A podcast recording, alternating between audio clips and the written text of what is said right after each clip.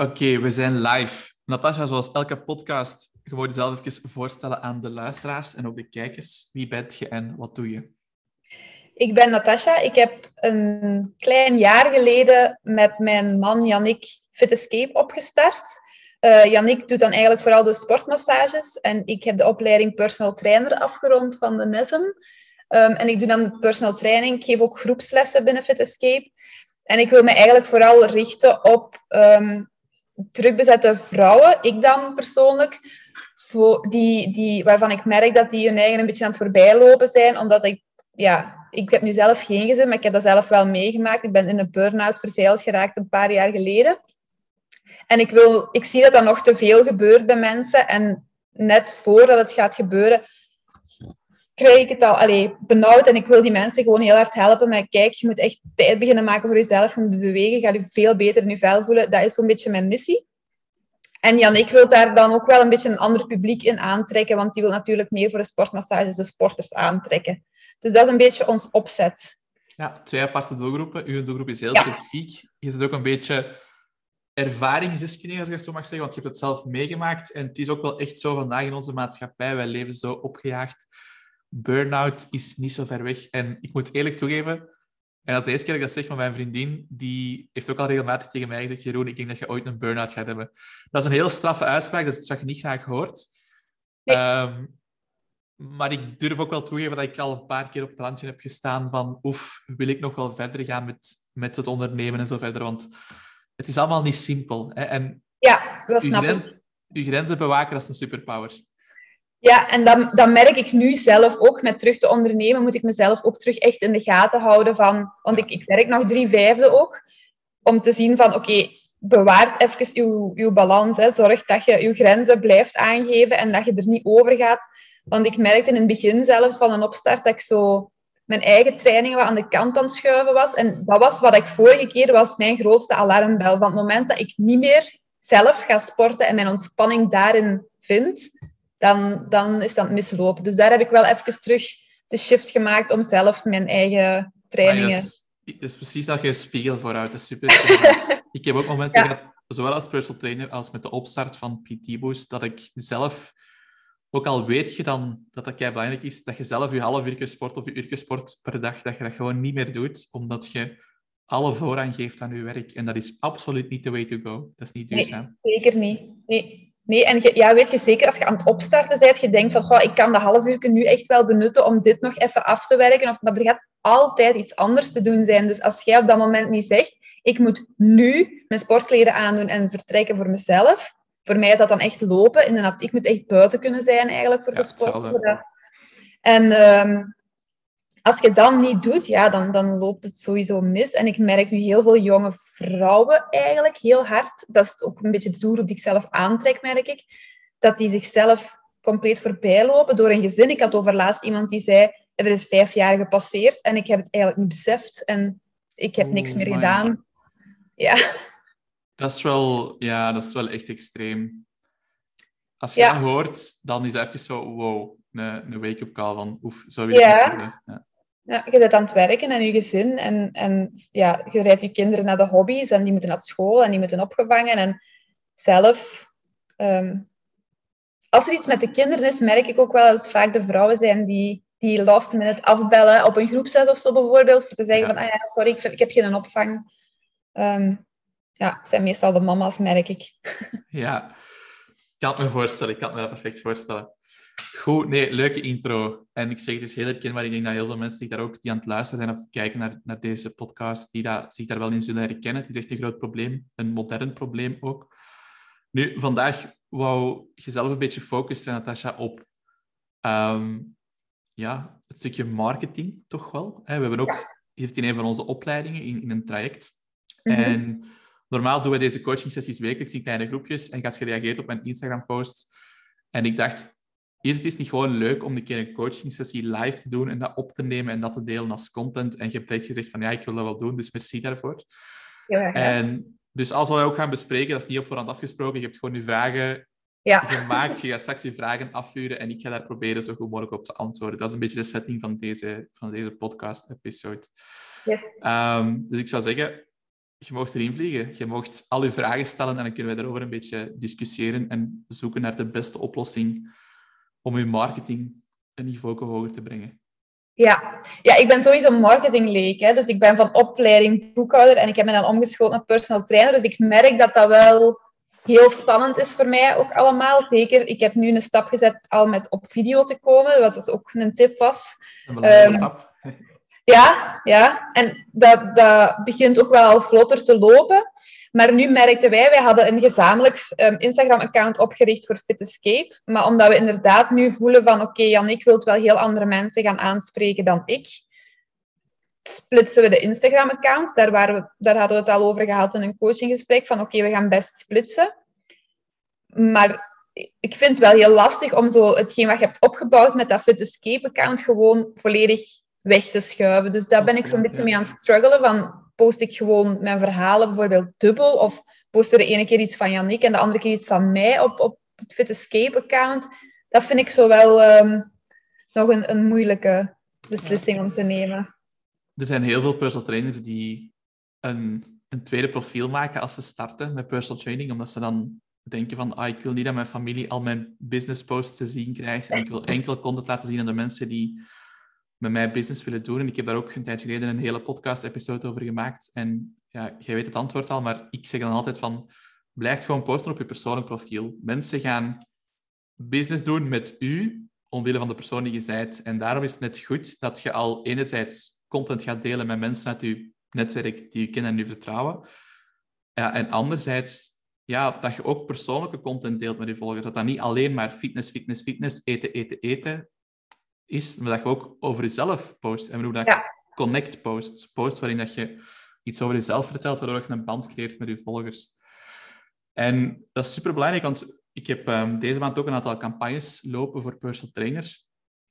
En wat we dan ook doen, is we installeren een software op die hun website. En we gaan kijken van oké, als een gebruiker op die website komt en die scrolt daardoor, welke stukken worden het meest gelezen? En dat stukje About Me, over de trainer zelf, dat is iets waar dat bijna alle mensen stoppen om te lezen wie is deze persoon bij wie ik een gratis intake of een proefles wil gaan inboeken. Daar stoppen ze bijna allemaal. Dus dat is enorm belangrijk. En dat is ook een reden te meer om te blijven posten op je persoonlijk profiel. En dan het tweede puntje van, ja, je hebt de account dan opgebouwd, dat is zonde van dat werk. En het is heel cliché, maar soms moet je loslaten om te kunnen vooruitgaan.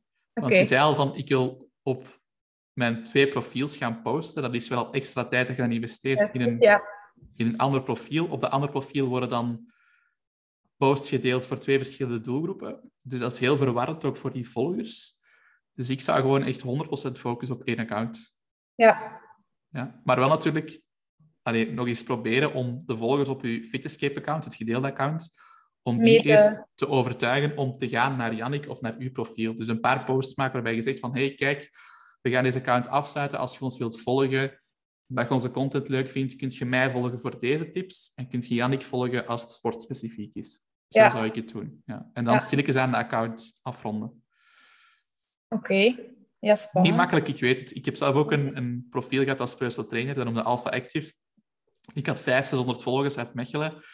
En van de ene dag op de andere heb ik ook gezegd, oké, ik ga PT doen. We stoppen met de account, al die volgers weg. En die waren ook niet echt relevant voor mijn nieuwe business, dus ik heb die ook niet overgezet. Nee. Ja. nee. dat vind ik sowieso een heel lastige. Plus ook, ja, um, die flamingo, hè, dat, dat vind ik ook altijd wel een flamingo, uitdaging. Wat is de flamingo voor de mensen die, die niet weten waar, waar je het over hebt? Ja, dus je hebt op een gegeven moment een uitspraak gedaan, ik denk ergens in een, in een, in een call, um, dat je een flamingo moet zijn tussen alle duiven, dacht ik. Dus dat je er een beetje moet tussenuit springen. Ehm, anders moet zijn dan de rest. En oorspronkelijk, wij zijn een beetje, een beetje geshift op dat stuk, want ik ben, we zijn vertrokken vanuit we gaan lopers begeleiden, maar ik, Klopt. ik heb zelf de passie om, om te lopen, dus ik ben er ook heel geïnteresseerd in van hoe werkt dat allemaal en ik wil mensen zeker aan het lopen krijgen, maar ik wil dan eerder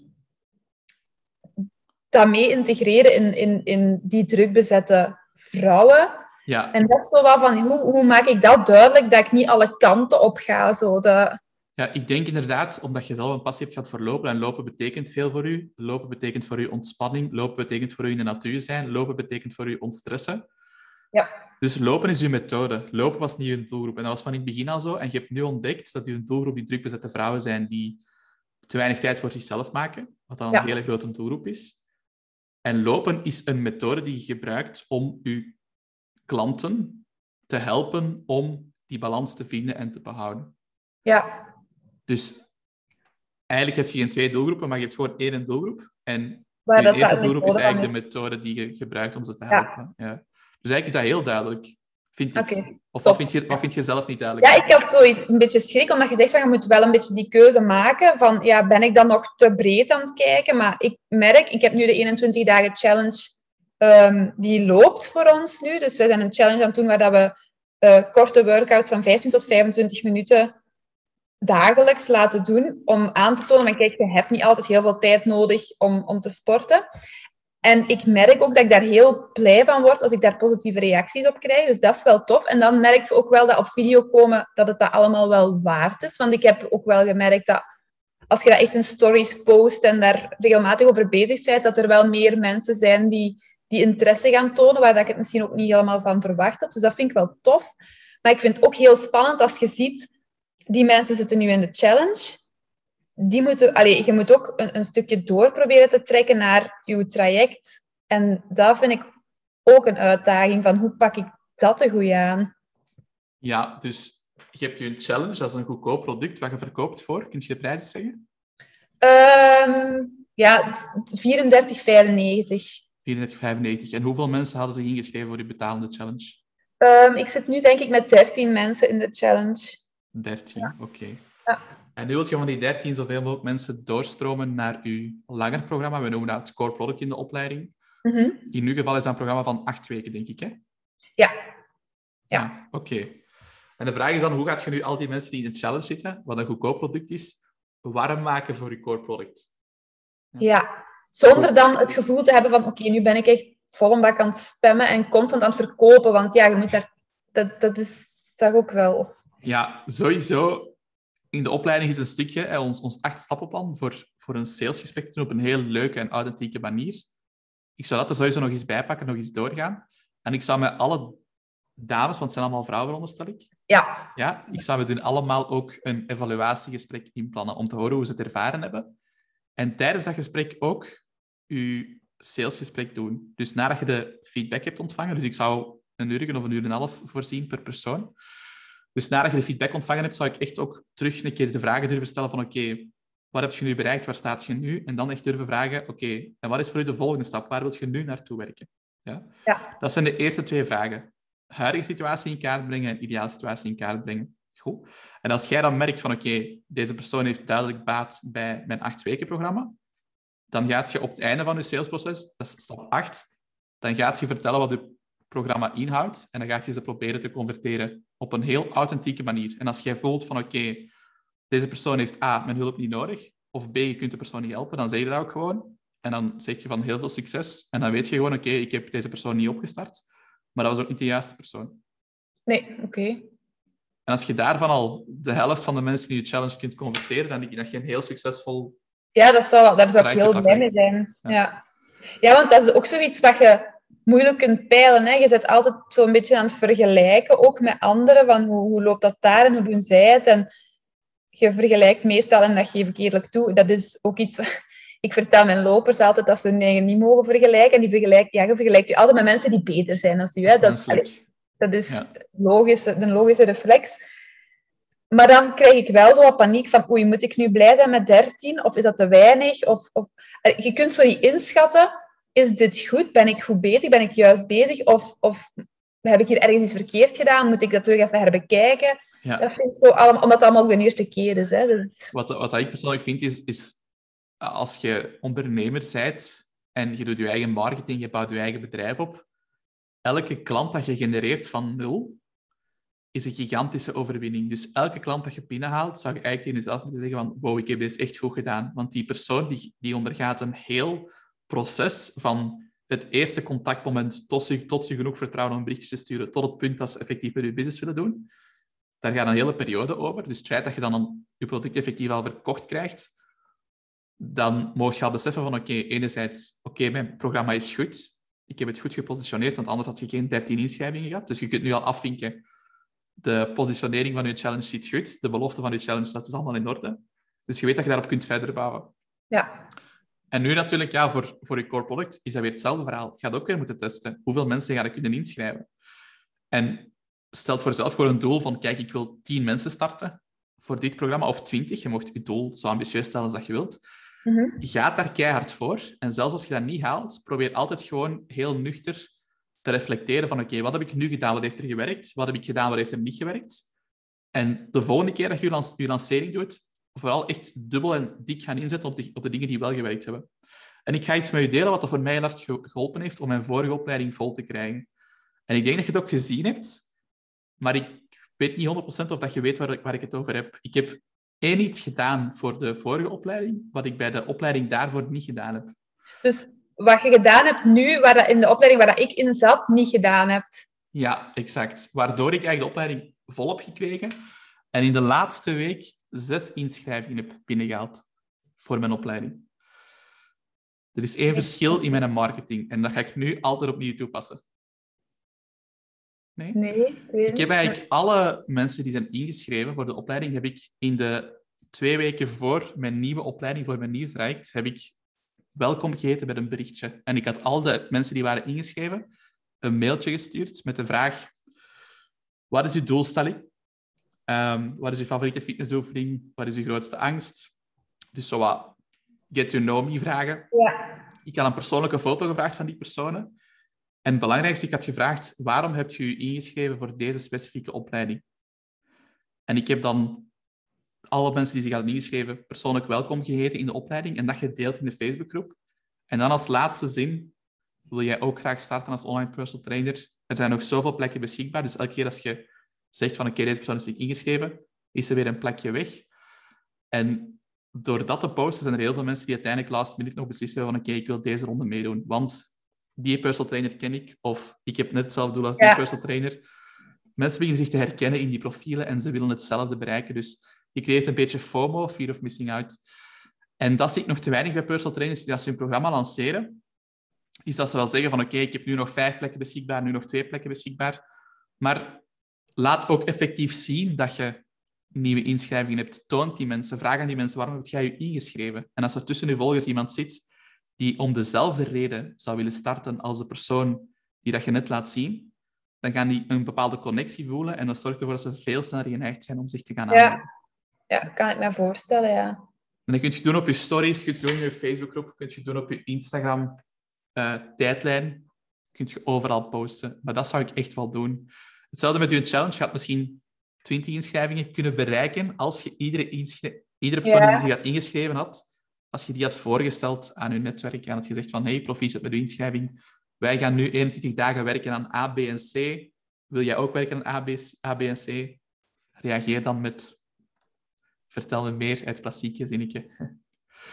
Dat is iets wat dat voor Ja. mij heel veel betekend heeft, dat ik nu wil delen met u als extra tip. En waarvan ik denk, ik ga dat vanaf nu altijd doen, want dat heeft voor mij enorm veel extra klanten opgeleverd. En het zijn zo'n dingen, je probeert dat uit, je test dat, soms faalt dat, soms lukt dat. Ik heb ook heel veel cursussen gedaan over marketing en over launchstrategieën om je cursus of je traject te promoten. En er, er is geen formule die voor iedereen werkt. En dat is ook het leuke en het moeilijke aan marketing tegelijkertijd, is dat je echt moet op zoek gaan, wat werkt er voor mijn business, wat werkt er voor mijn doelgroep. Ja, en, en dat vind ik wel iets, dat, dat is een gigantische uitdaging, vind ik. Want je moet echt voor jezelf inderdaad elke persoon die instapt zien als een win. Maar je gaat, ik kan dus echt, ik was bij de challenge bijvoorbeeld, ik had eerst gezegd met vijf ben ik blij, want ik durf dat niet te hoog zetten, want dan denk ik, ja, dan ga ik mezelf misschien teleurstellen en dat wil ik ook niet. Ehm, en dan eens dat ik die vijf had, dacht ik van oké, ja, tien. En op den duur denken, je zou, je doel was vijf, dus je hebt dat ge- gehaald, verdubbeld. Oké, je zou kei blij moeten zijn, maar dan begin ik van, ja, misschien had ik het gewoon te laag ingeschat. Hè. Misschien is tien ook helemaal niet goed. En dan begin je weer. Dat is, Ehm, dat is heel normaal. Je moet gewoon accepteren, het kan altijd beter. Er zijn altijd dingen dat je beter had kunnen doen als je terugblikt. Er zijn altijd factoren die het succes beïnvloeden. Sommige extern, sommige zaken die aan jezelf liggen. En dan moet je gewoon accepteren dat dat zo is. En probeer gewoon altijd, zoals ik net ook zei, durf te experimenteren met je marketing, durf zaken te testen. En ga altijd steeds op kijken, oké, wat werkt er, wat werkt er niet? En probeer altijd hetgeen wat dat werkt, probeer daar dubbel op in te zetten de volgende keer. Ja. Maar zoals Dus je zegt, je doel was vijf. Ja. je doel was vijf, je hebt er dertien gehaald en toch heb je nog altijd zoiets van, oh, mag ik daarmee wel tevreden zijn? En dat is puur menselijk, want we willen altijd meer. Ja, En we moeten ons daar gewoon altijd bewust van blijven van, oké, ons doel is behaald. Allee, je mag trots zijn op jezelf dat je dat behaald hebt. Vergeet die kleine successen niet te vieren, want dat is heel belangrijk. Het grappige is dat ik vertel aan mensen exact dat en toch doe ik het zelf. Dat, dat is... Ja. Ik vertel ook aan ik mensen dat besef ze... dan achteraf wel, hè. Ik besef achteraf van Natasja, wat, wat, allee, ik ben hier zelf aan het vertellen van je mag niet vergelijken en je moet blij zijn met alles wat dat je... Maar dat is ja, iets heel vies in een mens, dat je altijd beter en meer en ja, En dat is heel normaal. We moeten daar niet tegen verzetten, maar het, gewoon, het feit dat je daar bewust van bent, is al, is al goed op zich. En dan moet je gewoon ook soms tegen jezelf durven zeggen van oké, ehm, het is goed zo. En allee, ik herken mezelf daar ook weer al in, Natasja, daarom ik, wil het wel even delen. Ehm, als ik tegen mijn vriendin zeg van ja, deze week had ik tien sales calls en ik heb maar vijf klanten kunnen opstarten in een of ander traject, dan zeg ik van ja, ik ben daar niet tevreden mee, want normaal heb ik 80% van de mensen die ik kan converteren. En dan zegt hij van, allee, wat zeg jij nu, onnozelaar? Kijk eens wat je het laatste jaar al bereikt hebt, dat is echt gek. Dan denk ik van, goh ja, dat is eigenlijk wel waar. ja, En als je je dan zo voelt, als je teleurgesteld voelt, is dat soms gewoon een keer, zoals wij nu doen, te praten met je partner of, of met iemand die ook aan het ondernemen is, om dat gevoel te delen. En dan gaat die tegen je zeggen van, allee, wat zegt jij nu? Je zegt, jij goed bezig, en dit en dat. Ja, dat is hier wel de uitdaging natuurlijk, want wij zijn alle twee samen opgestart en wij kunnen dat heel goed bij elkaar. Zo van, allee, dat is toch al goed en dat is toch al goed. Maar soms zitten wij op een, allebei op een moment van, oei, zijn we wel goed bezig? En dan kunnen we elkaar wel zo wat... Allee, dan kunnen we er wel extra twijfel creëren. Zo. Maar ook aan de andere twijfel. kant wel beginnen denken van, ja, hoe kunnen we dat hier oplossen en, en kunnen we dat hier aanpakken? En dat wel. Maar Maar als je daarmee zit met die twijfels, is het zeker nu ook leuk om in de coachinggroepjes wekelijks om Ja. dat even mee te pakken en daar een keer af te toetsen bij de andere trainers in je groepje. Dat je beseft van, oké, dat is normaal. Ja, Ah, ik heb dit meegemaakt, ah, dat is misgegaan. Hebben jullie dat al ervaren? Hoe zijn jullie daarmee omgegaan? Dan ga je beseffen van, oké, dat is normaal. Het kan niet allemaal perfect gaan van de eerste keer. En hoe dat ik mij voel, dat is ook perfect normaal. Soms moet je gewoon bevestiging hebben van, oké, wat dat we nu voelen, wat dat we meemaken, iedereen maakt dat mee. ja, dat is waar. Ja, absoluut. Top. Natasja, uw volgende vraag. Wat Ja, moet je had- zeker nog eh, oplossen? Ehm, als ik Instagram... Ik merk dat ik heel graag schrijf, dus dat ik mijn verhaal wel graag neerschrijf, maar ik merk dat dat misschien soms heel veel is voor in een caption van Instagram te zetten. En ik heb ook soms het gevoel van, oh ja, je moet je eigen verhaal wel vertellen, maar hoe ver gaat het daarin? Allee, ik weet niet of mensen een half een boek bij wijze van spreken willen lezen.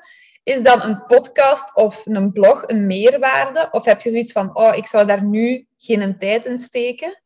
En je tijd echt benutten om, om ja, met je marketing en, en het opzetten van al die dingen bezig te zijn. En dan kun je achteraf nog zien of dat je...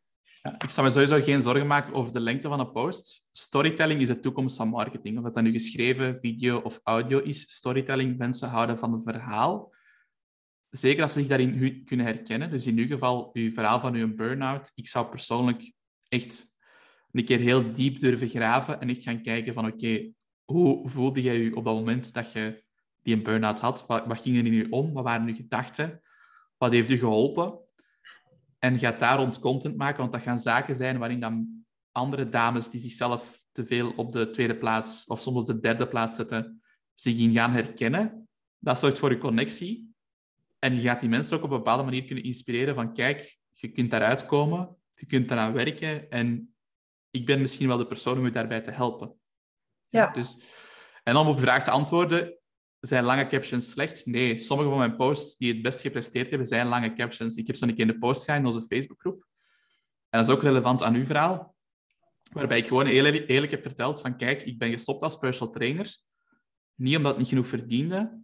Ehm, niet omdat ik niet van fitness of van sport hou, want ik ben nog altijd allee, heel erg van alles wat met fitness en sport en gezondheid te maken heeft.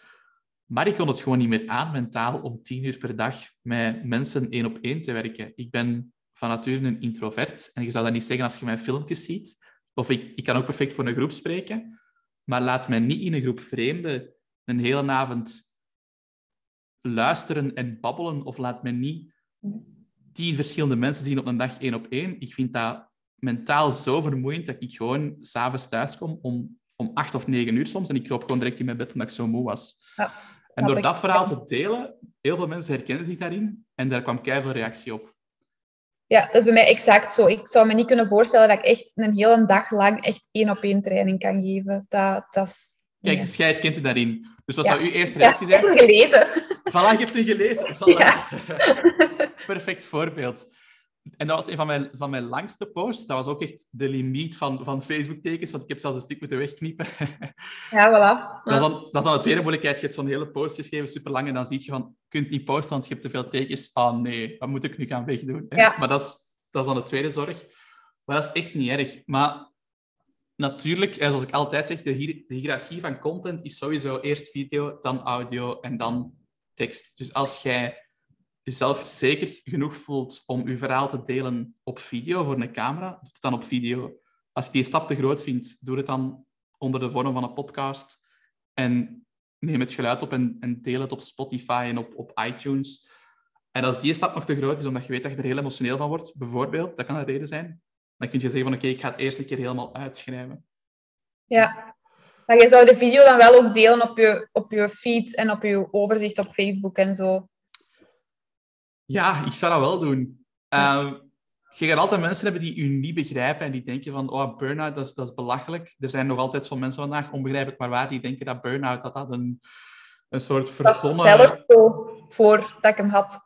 Ja, dat dat gewoon iets, iets is wat, dat, wat dat mensen verzinnen om thuis te kunnen zitten, bij wijze van spreken. Dat is absoluut niet zo, uiteraard. Nee. Ehm, en aan de andere kant ga je dan je doelgroep hebben die dat zich keihard verbonden gaan voelen met u en die dat van de eerste minuut tot de laatste minuut aan uw lippen gaan hangen. En die dat gewoon ook, ook misschien even nodig hebben op dat moment om dat, om dat te horen. Van kijk, ik heb dat ook meegemaakt. Dat is normaal dat je voelt. En ik ben er ook uitgeraakt. Ja, ja dat is En- waar. Dat is in mijn ook de essentie van content. Ga geen content maken om elke volger die je hebt te helpen en tevreden te houden. Ga content maken om één volger in je netwerk, om die te inspireren of een stapje dichter te helpen naar hun doel. En als je daarmee begint om heel specifieke content te maken voor één persoon, en af en toe reageert een keer iemand van dit had ik vandaag nodig, dan word je gemotiveerd om elke dag content te maken. Want elke dag kun je één iemand helpen. Ja, En als je met, met die mindset content maakt, dan geloof ik dat je op lange termijn heel veel succes gaat boeken binnen je doelgroep. oké. Ja. Ja, ik ga mijn best doen, ja. Dat is spannend. Heb, ja. je, heb je je verhaal eens gedeeld? Heb je je verhaal eens, eens openbaar? Nee. Nee, ik Ik heb het wel inderdaad al uitgeschreven. Om, Ja. om, ehm, ik, ik ben wel echt van plan om het te delen, maar het is inderdaad bij mij wel zo van... Ja, hebben mensen daar boodschap aan? Hè? Ik wil niet zo de, de zielige gaan... Allee? Het is oké, hè. Maar... Ja, Hebben mensen daar boodschap aan? Ik vind Dus dat heel net- spannend om mijn eigen verhaal naar buiten te brengen en zo precies... Ja, ik weet het niet. Ik vind het speciaal. Het is spannend, het is sowieso spannend, want je, weet niet, je weet nooit hoe dat mensen gaan reageren. En in het algemeen, mijn ervaring is, mensen zijn zo slecht nog niet. Wij hebben heel veel begrip voor elkaar. Wij, als het erop aankomt, zijn we er om elkaar te helpen. En ik spreek dan over 80% van de bevolking. En dan heb je die 20%, ja, ik noem dat azijnpissers. Voor die mensen is niks goed en die gaan altijd kritiek hebben. En ik heb dat ook meegemaakt in, in de jaren dat ik nu content maak. Er zullen altijd mensen zijn die negatief staan tegenover u en voor wie dat niks goed is en die alleen maar op social media zitten om, om mensen af te breken. Maar wat ik dan ook altijd denk is van ja, als die mensen dan echt zo'n zaken doen, dan heb ik een beetje medelijden, want dan hebben die waarschijnlijk ook gewoon zelf een heel moeilijke situatie. En dan Ja. vind ik dat gewoon jammer dat die zo'n zaken doen. Oké, dat klopt. Maar ik probeer me ook in hun schoenen te plaatsen. Die hebben waarschijnlijk zelf een heel slechte situatie en die hebben misschien een bepaalde reden waarom dat ze dat doen. En daar moet je gewoon ook niet te veel van wakker liggen. Maar in essentie blijft het altijd hetzelfde. Als jij content maakt waarbij je oprecht kunt zeggen ik wil hiermee ene persoon helpen vandaag, dan mocht je nooit twijfelen om die content te delen. Ook al Nee. weet je dat veel mensen het er niet mee eens gaan zijn. Ja, oké. En dat is nu iets helemaal anders, maar qua branding dan zou jij hetzelfde aanhouden of zou je ook alle twee met andere branding gaan werken? Want ik merk dat zowel Jannik als ik wel heel hard achter het scheen staan wat we nu gebruiken. Ja. Ehm, branding dus als personal trainer, dat zet jij als persoon. Jij zet 90% van je branding. Je kleurtjes en je lettertype en de grootte van je tekst, dat maakt allemaal niet zoveel uit. Je branding, dat zet jij. Dus zowel jij als Jannik, jullie hebben een eigen persoonlijkheid, een, oude, een, een, een, oude, een eigen authentieke zelf. Dus als je gewoon content maakt die bij je past, je zijt jezelf, ik weet dat is heel cliché, jezelf zijn, dat is, is niet altijd genoeg. Je moet ook jezelf uitdagen om, om goede content te maken. Maar als jullie allebei de eigen content gaan maken, dan gaat je automatisch een bepaalde branding gaan creëren. Ja. Dus ik zou er niet te veel over nadenken. Als je toch allebei wilt werken met een heel andere kleur en zo verder, en bij andere lettertypes, dan mogen we dat zeker doen. Maar... Dat niet eigenlijk. We, we willen eigenlijk gewoon hetzelfde blijven gebruiken. Maar ik weet niet wat dat ook is. Ja. Tuurlijk. Ja. Tuurlijk, dat is perfect oké. Daar moet je geen tijd in steken. Dat is, dat is niet wat dat u vooruit gaat. Nee, voilà. Ja. Dat is waar. Dus dat moet je skippen. Ja, goed. En dan als je de Facebookgroep maakt voor een bepaalde doelgroep, wat geeft je die mensen dan extra? Of, of hoe krijg je mensen in die Facebookgroep getrokken en ook betrokken, zo, om elkaar te motiveren en zo? Hoe, hoe, hoe pak je dat aan? In je Facebook, wat post je daarin? ja, wat is wat anders dan dat je op je social... Je moet die mensen toch iets meer geven dan wat je op social media deelt, want anders ja, kunnen ze gewoon je Instagram-pagina volgen en dan hebben ze het eigenlijk ook gezien. Ik deel bijna alles wat ik op Instagram deel, deel ik ook in de Facebookgroep. Um, of op mijn eigen Facebook-pagina, behalve langere trainingen. Dus ik heb soms video's, neem nu deze podcast. Ik zou kunnen zeggen, ik knip hier een stukje van 10 minuten uit, omdat ik dat heel waardevol vind. Dat stukje van 10 minuten ga ik nooit op Instagram zetten, want ik weet dat dat, ook met het algoritme en zo verder, dat de kans dat veel mensen dat te zien krijgen heel klein is. En dat is dan liever iets wat ik in mijn Facebookgroep zet. En dan kan ik bijvoorbeeld zeggen op Instagram van hey, ik heb net een training gedeeld van 10 minuutjes waar ik het heb over Facebookgroepen en wat dat je daar best in post en hoe dat je dat opzet. Als je die wilt bekijken, kun je je aanmelden via de link in mijn bio. Want ik wil mensen van Instagram ook naar mijn Facebookgroep krijgen. Dat ze op twee kanalen mijn content zien verschijnen. En zoals je ook weet, Natasha, zoals in de opleiding ook zien, is het organisch bereik van je Facebookgroep is vele malen hoger dan het, dan het organisch bereik van Instagram en van je Facebook business page. Dus je wilt ze gewoon in je Facebookgroep krijgen. En dat zijn de dingen die ik zo wat extra doe. En ten tweede, wat ik nog doe, is... Ik heb ook twee iets langere trainingen van een uurtje uh, in de Facebookgroep staan onder gidsen, waarvoor dat mensen zich kunnen aanmelden in de groep om die trainingen te bekijken. En dat zou ik bijvoorbeeld ook... Stel nu dat ik op dit moment te weinig leads had, dan zou ik daar één keer per maand een post rond doen van hey, wil je ook leren hoe dat je start als online personal trainer in vijf stappen? Meld je aan voor onze Facebookgroep. Dan zou ik daar gewoon ja, één keer per maand actief promo voor maken. Dus dat zijn zo wat de dingen die ik extra doe, maar voor de rest is het bijna allemaal hetzelfde. Ah ja, oké. Ja. ja, dat was ik mij aan het afvragen. Wat moet ik nog extra ja, zo gratis filmpjes en zo beginnen maken? Voor alleen dan in je Facebookgroep te delen? Ja, ik, ik, ik zou, niet, ik zou niet content gaan maken specifiek voor je Facebookgroep. Ik zou gewoon inzetten op, zoals we te doen, die podcast, op longer form content. Dus langere opnames van geluid of langere video's. En daar kun je dan stukjes uitknippen en die stukjes daaruit kun je dan delen op Instagram en op Facebook, of op LinkedIn of op TikTok. En op het einde van die content kun je bijvoorbeeld een call to action doen naar je Facebookgroep. En in je Facebookgroep, allee, dan kun je zeggen bijvoorbeeld, wilt je het hele uh, filmpje zien? Dan kun je lid worden van onze Facebookgroep. En dan kun je de hele training in je Facebookgroep delen, bijvoorbeeld. Ja. Ja, ik heb nu de kortingscode bijvoorbeeld voor de challenge alleen in de Facebookgroep gezet. Om zo daar eigenlijk wat mensen... In te krijgen. in te krijgen, Zo ja. kun je ook doen, ja. ja. ja uiteindelijk, want je zei net ook voor het interview heel kort zeggen van, uh, ik weet niet meer wat je exact zei, dus je mocht mij corrigeren, maar je zei iets van, wat post je in je Facebookgroep, zodat je niet te veel spamt en dat mensen er niet gaan, niet, niet gaan weggaan of zoiets. En zoiets was het, ja. denk ik. Hè? Ja. ja. Of had je het anders geformuleerd? Nee, dat, het komt, zal daar ongeveer op neerkomen, toch? Ja. Ja. Dat je niet te veel wilt posten, dat mensen niet weggaan uit de groep. Ja. ja. wel, dat is de kunst. Als jij als jij, laten we zeggen, 50% van de tijd heel waardevolle content deelt waar die mensen iets aan hebben, en de andere 50% van de tijd maak je een keer promo voor een product of maak je een keer een post wat dat iets persoonlijker is, wat dat voor sommige mensen misschien minder waardevol is, mensen gaan daar niet wakker van liggen als je in die andere 50% hun wel hebt kunnen helpen. Dan gaan ze denken van, oké, die post voor je programma, ik ben daar nog niet klaar voor, dat is niet interessant voor mij. Maar die gaan niet terecht denken van, oh, ik ga hier wegklikken, als ze met die andere content wel geholpen zijn. Ja. Zolang het voordeel voor hun duidelijk is om in die groep te blijven, voor die exclusieve content, voor die gratis trainingen, voor die podcasts, video's, gaan ze echt wel in je Facebookgroep blijven. Ja. Ik ga je een voorbeeld geven. Ehm, ik heb nu de afgelopen vier weken, denk ik, bijna elke week een mailtje gestuurd, of, of drie weken aan een stuk een mailtje gestuurd. En ik ben geen advertenties meer aan het doen momenteel, omdat er genoeg werk is nu, waar ik ook heel dankbaar voor ben. Ehm, maar dus er komen, geen, of er komen heel weinig leads bij op de e-maillijst. En elke keer dat ik een mail stuur, zijn er vijf, zes, soms zeven mensen die zich uitschrijven van mijn lijst. Ja? En mijn reacties dan kunnen zijn van oei, ik ben altijd volgers, ik ben altijd mensen kwijt op mijn lijst. Oh nee, ik moet hier beginnen adverteren om die lijst terug aan te vullen. Maar ik heb liever 500 relevante mensen op mijn lijst dan 900, waarvan er 800 niet relevant zijn. Dus ik vind dat, dat is een automatische filter. Ja, want je betaalt toch voor die subscribers. Ja. dus als er dan mensen uitschrijven, oké, dan moet je het niet aan het doen.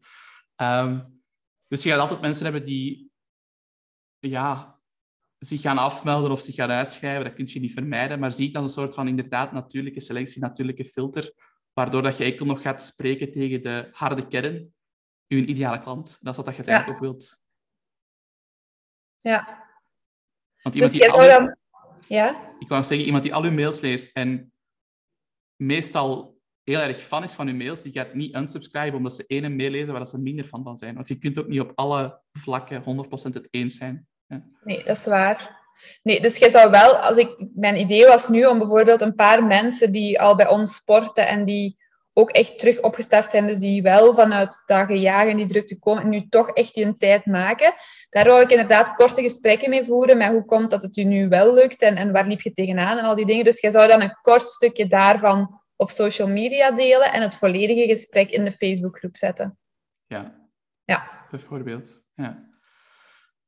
Dat is gewoon, ja, dan kun je je, je content opnieuw gebruiken. Uit zo'n interview van een half uurtje of van een kwartier kun je gemakkelijk 10, 15 reels halen met heel waardevolle stukjes. Van waar dat je dan doorverwijst naar je Facebookgroep. Je kunt dat ook opnieuw gebruiken op TikTok. Je kunt dat gebruiken op je persoonlijke tijd en op Facebook. Ja, op ja reels, ja. Ja, ja reels, dat is, dat is de way Ja, ik weet het. Maar daar heb ik al... dat, is dat, dat is toch allemaal niet zo evident, vind ik. Nee. Ik heb daar een beetje in liggen prullen. Ik vind zelf de, de tools om reels te maken op Instagram vind ik zelf heel ongemakkelijk. En dat komt Ja, heel snel onprofessioneel over. Dus ik doe het zelf in een, in een, eh, in een software, Adobe Premiere, om die filmpjes te editen. ah, oké. En dan nadien zet ik ze op mijn gsm en dan post ik ze. Oké. Ja, want dus ik, heb, ik, heb er over, ik heb er eentje proberen te maken, omdat ik inderdaad wel al gehoord had van ja, je moet echt reels beginnen maken voor het algoritme en zo ook dan. Ja. Ehm, maar dat is echt, ik ben er heel lang mee bezig geweest voor één simpele reel te maken. Hoe lang Dat was je ik- denk drie kwartier of zo. Ja. Ja, ik... eh, ja, en dat komt dan weer terug tot hoeveel tijd spendeer je in je marketing. Ik vind echt, als je, zeker als je, on- als je fulltime online personal trainer wilt worden, moet je minstens een uur per dag aan je marketing spenderen. Dus als je in dit geval heb je een uur gewerkt aan een reel, oké, je uur is om. En je wordt Ja. daar beter en beter in. En op termijn doet je nog een kwartier over. En dan kun je vier reels maken in een uur. Dat is Dat is waar. een beetje zoals autorijden. Je moet dat eerst, eerst leren. Eerst leren schakelen en dan kun je comfortabel de baan op. Met hetzelfde Ja. content. Ja. En zou jij op meerdere kanalen beginnen inzetten? Omdat er zo, ja, zo nu met die, eh, dat, dat Instagram en Facebook uit hebben gelegen, zijn er zo van alle geruchten. En begin ik zo wat te panikeren van ja, als je echt een bak online coach gaat worden en pak dat Instagram wegvalt, dan hebben we toch iets voor? Geruchten zijn er altijd. Toen als Apple met een, eh, met een iOS-update uitkwam en Apple-gebruikers gingen hun data kunnen beschermen van Facebook, waardoor je niet meer kunt adverteren op interesses of locatie of leeftijd, dan ging ineens Facebook ook niet meer, niet meer doeltreffend zijn. Ja, we hebben nu de afgelopen drie maanden aan de update nog honderden leads verzameld voor personal trainers. We zien nog altijd heel goede resultaten. Oké, het is iets duurder geworden om te adverteren, maar dat heeft het altijd al gedaan. Het is altijd al duurder geworden met een tijd, omdat er meer mensen het leren gebruiken. Dus dat is normaal. Dat is gewoon basisvraag en aanbod. Ja. Facebook en eh, Instagram en WhatsApp, want dat is allemaal van Mark Zuckerberg. Dat zijn miljarden bedrijven. Dat gaat niet van vandaag op morgen verdwijnen. Als dat verdwijnt, dan zal dat gradueel zijn. En dan zullen we de gebruikersaantallen stilletjes aan zien dalen. En dat zal een proces zijn van jaren. Dus dat gaat niet van vandaag op morgen weg zijn. Dat geloof ik niet. Daar zit te veel geld achter. Groot geld.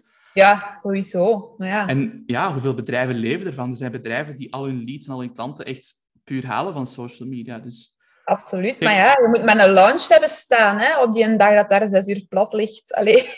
Ja, dan doe het een dag later. Hè. Ja, daar staan we dan. Ja. Nee, ik geloof dat de platformen zullen veranderen. Net zoals dat je nu TikTok hebt. Je hebt ook even Clubhouse gehad. Dat was van korte duur, want dat is er niet echt doorgekomen. Ja, dat heb ik ook gehoord, ja. Dus daar dan was toen wel over gehyped dan, even. Dat was even een hype. Binnen voilà. personal trainers vooral, eigenlijk. Maar dat heeft het niet, niet echt gehaald. Of dat is toch heel erg afgezwakt ondertussen.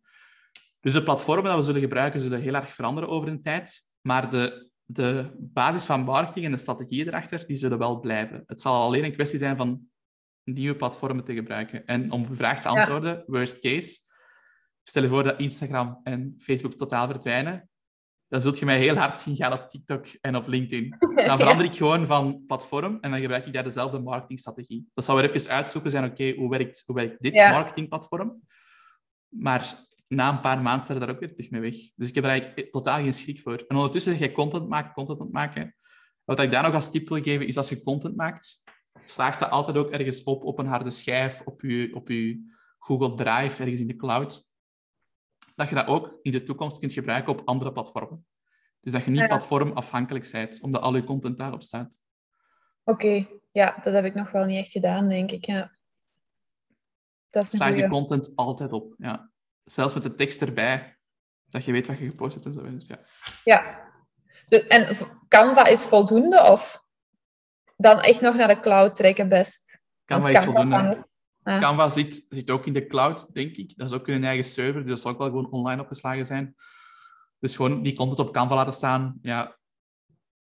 Ja, oké. Ja, daar staat hem sowieso wel al... eh, Maar ik zou me echt geen zorgen maken over het feit dat Instagram of Facebook ineens gaat verdwijnen. Daar moet je niet van wakker liggen. Er zullen altijd social media platformen zijn of andere kanalen om te adverteren. Dat gaat niet meer weggaan. En volgers komen automatisch als je goede content post. Dat wil ik ook. Als jij een post maakt waarvan dat tien van je volgers denken, deze is fantastisch, dat wil ik met iedereen delen, want dat vind ik zo goed. Dat kan, dat kan een eenvoudige quote zijn, of dat kan een statement zijn, of dat kan een korte video zijn. En ze delen dat met hun netwerk. Het is eigenlijk op die manier dat je het meeste volgers bij krijgt. Ja, Dat is de moeilijkste content om te maken, van die shareable content. Maar hoe meer content dat je maakt, ja, hoe meer kans dat je hebt dat er zo'n content tussen zit natuurlijk. ja, En dan kun jij bij wijze van spreken drie maanden later nog eens een post doen rond datzelfde topic, want dat heeft toen goed gewerkt. En door te experimenteren, want dat is het belangrijkste in marketing, is durven experimenteren, ga je ontdekken, wat zijn mijn flamingo-posts, waarmee je de aandacht trekt, wat gaan mensen delen, en dat zorgt uiteindelijk voor, voor meer volgers. ja. Oké. Het is niet alleen voor nieuwe volgers natuurlijk, het is ook vooral om je huidige volgers ja, verder op te warmen tot het punt dat ze je goed genoeg kennen, dat ze je vertrouwen, dat ze je zien als expert. En dat ze ook uiteindelijk ja, met je business willen doen. Want dat is ook Ja. belangrijk natuurlijk. Ja, ja, sowieso. Dat is, het belangrijkste. Ja. Oké. En ehm, op Instagram sowieso naar een businesspagina gaan, ook dan voor het, prof- voor het persoonlijk profiel. Want ik merk Ja. dat daar misschien door volgersaantal wel wat restricties zitten. Dus iets heel stom, zoals bijvoorbeeld uw muziek is niet hetzelfde in een business-account als in een eh, gewoon Facebook-account. Ah, dat weet ik Ehm, niet. Instagram-account. Dat ja. ik niet. Ik heb al zo lang een business-account dat ik niet weet wat het verschil is tussen een persoonlijke en een business. Het grote verschil, uiteraard, is dat je met een business-account wel kunt adverteren, met een persoonlijke account niet. Dus als je ooit advertenties wilt doen, is dat sowieso nodig. Voor de rest weet ik het ook niet goed wat, wat de voordelen zijn. Ja, je kunt zo de statistieken zien, maar ik vind het soms lastig om daaruit dan echt te gaan afleiden van, ah ja, eh, hier en hier en hier moet ik meer... Allee, want dat, dat schommelt ook gewoon keihard. Sowieso reacties. Reacties zijn een goede indicatie voor het succes van een post en hoeveel keer dat je post opgeslagen wordt. Likes niet. Ja, dat kunnen we wel zien, ja. ja. Als ik een selfie post, krijg ik 9 van de 10 meer likes dan wanneer ik de post post over vijf tips om meer sales te doen als personal trainer, bij wijze van spreken. Maar die Ja. post met die vijf tips, die wordt misschien wel tien keer opgeslagen en die selfie wordt uiteindelijk... Allee, ik hoop dat die niet wordt opgeslagen. ik verwacht van niet. Dat is gewoon omdat mensen van mensen houden. Dus inderdaad, likes is een hele slechte parameter, vind ik persoonlijk. Ik zou eens gaan kijken naar reacties en het aantal keer dat het opgeslagen wordt. Ja, want het zijn wel die likes waar je een beetje op blind staart, hè? In het begin wel. En dat was een van mijn grootste fouten. Was ook altijd gaan voor die likes, voor die likes, voor die likes. En het, nu maakt me dat echt heel weinig uit. Ja. Oké. Ik, heb al post, ik heb al post gehad met, met 12 likes, waarvan er 12, van de 12, 10 mensen het hebben opgeslagen. Ja, als van de 12 likes 10 mensen het opslagen, is het een goede post. Ja. Maar als je bekijkt over mijn tijdlijn, zijn dat heel weinig likes. Dan zou je kunnen denken dat is een slechte post. Maar soms moet je dus iets verder durven kijken dan, dan de likes. En dat kan misschien niet met een persoonlijk profiel, dat weet ik niet. Nee, dat ziet je niet. Nee. Dus dat is ook een reden om een businessprofiel aan te maken. Ja. ja, ik ga het gewoon terug switchen. Ik had het, hè, maar ik ga het gewoon terug switchen. Ja. Oké. Goed. Zijn we door je lijstje of heb je er nog? je mocht ze afvragen. Uh, ik ga eens kijken of ik er nog heb. Wacht, hè. Um, nee, ik denk dat ik ze ongeveer allemaal... Um... Ah, hoe belangrijk is een website nog? Oef. Dat is super relatief. Ik zou daar sowieso niet meer in investeren. Vroeger, alleen vroeger, vandaag wordt dat nog gedaan. Vroeger werd er uh, gezegd van ja, je hebt een website nodig als je start met ondernemen. Dat is vandaag zeker niet meer aan de orde. Um, je kunt je programma's verkopen via social media. Je kunt informatie geven via social media. In plaats van een landingspagina te maken over je product, zou je in principe ook een pdf kunnen maken met een overzicht van wat er in je product zit en zo verder. Dus ik zou daar in het begin zeker niet in investeren. Maar eens dat je vertrokken bent en je hebt wat extra budget, dan zou ik het wel doen. Ja. Maar de vraag is ook, waarom maak je je website? Als je een website maakt om leads te genereren, omdat je een landingspagina wilt maken, omdat je wilt dat mensen zich registreren voor hun e-book bijvoorbeeld, dan zou ik zeggen, maak een landingspagina. Als je een website wilt maken om in Google hoger te scoren en klanten aan te trekken, daarvoor zou ik het niet doen. Want dat is echt heel moeilijk om hoog te scoren, zeker als online trainer, voor bepaalde zoektermen. Je kunt gewoon niet concurreren met die grote bedrijven. Nee. Nee, dat, dat, merk ik nu inderdaad wel, dat dat allemaal niet evident is. Maar ik merk ook heel veel um, in de Instagram bio dan zo, dat je op een link eigenlijk terechtkomt waar je dan direct bijvoorbeeld een e-book kunt downloaden en zo die dingen, dat is misschien wel nog handig. Ja, en ook dan, als je daar zo'n link in zet, zou ik de mensen ook gewoon doorsturen naar je landingspagina, waar dat je e-book dan op staat, met gewoon een contactformuliertje. Laat je e-mail en je naam achter. En dan krijg je een e-book opgestuurd, dat, is, dat je gegevens hebt. Ja. Maar echt investeren in een website om klanten te genereren, nee, veel minder. Minder en minder belangrijk. Oké. Eigenlijk is je social media profiel is een website op zich. Ja, ja, het is daarmee dat ik mij dat ook afvroeg. Alleen voor, ja, voor de boekingen en zo, bijvoorbeeld voor massages, is dat nog wel handig om mensen door te verwijzen naar de website. Maar als je niet aan die 10.000 volgers zit, waar dat je een link kunt delen, waar ze onmiddellijk kunnen op swipen, ja. dan, dan, dan heb je een mega omweg, waarvan ik denk, ja, hè, omdat je altijd de kosten wegsteekt, je moet het zo gemakkelijk mogelijk maken voor je klant. Ja, je moet dan zeggen link in bio en dan moeten ze daar gaan klikken en dan komen ze op de website. Dus daarmee dat ik mij zo afvroeg, is er ergens een shortcut voor, voor zo'n dingen? Um... Een shortcut voor Instagram? Ja, zeker. Een poll. Je zegt gewoon, hey, wil je mijn gratis e-book downloaden? Laat het weten in deze poll. En dan twee opties. Heel graag of e-book. Ze klikken daarop. En jij stuurt de link via een berichtje naar hun. Dan moeten ze gewoon nog klikken op die link en ze hebben je e-book. En jij kunt opschrijven in je Excel-file met alle potentiële klanten. Josephine heeft mijn e-book aangevraagd. Ik ga binnen drie dagen haar een berichtje sturen om te vragen van hey, wat vond je van een e-book? En van daaruit kun je dan horen van hey, je hebt interesse in deze concept. En als je dan de juiste vragen stelt, zoals we ook leren bij Sell by Chat, je stelt een paar vragen om ze beter te leren kennen en je voelt van oké, ik kan deze persoon helpen.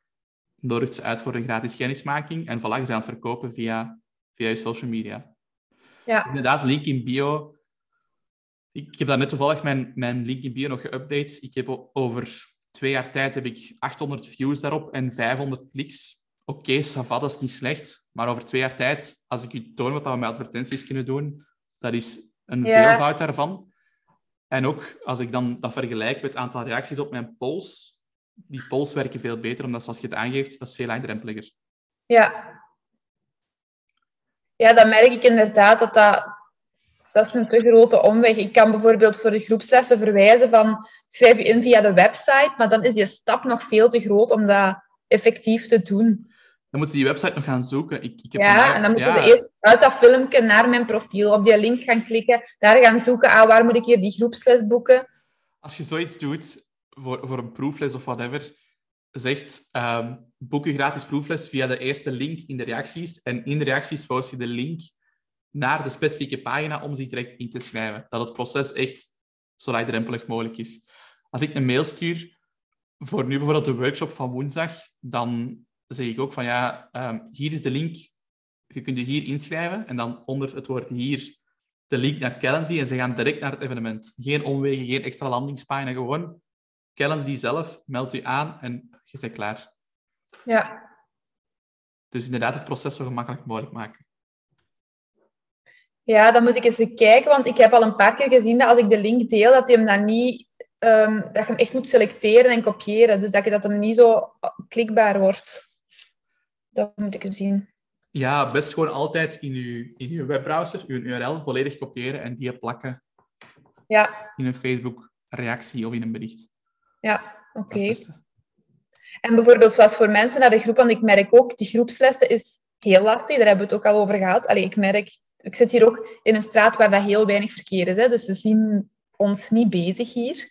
Ja. Ehm, daar nieuwe mensen in krijgen via die, eh, via die proeflessen en via een Bring a Friend actie, allemaal goed. Maar dan zou jij ook gewoon op een verhaal of op je feed een post maken van reageer hieronder met dat en ze dan aanspreken als ze gereageerd hebben. Want dan moet je er ook nog reactie op krijgen. Hè? Dat is... Ja, maar als niemand reageert, dan, weet je dat, je het geprobeerd. Probeer je het volgende week nog eens. En soms gaan er meer reacties hebben dan anders.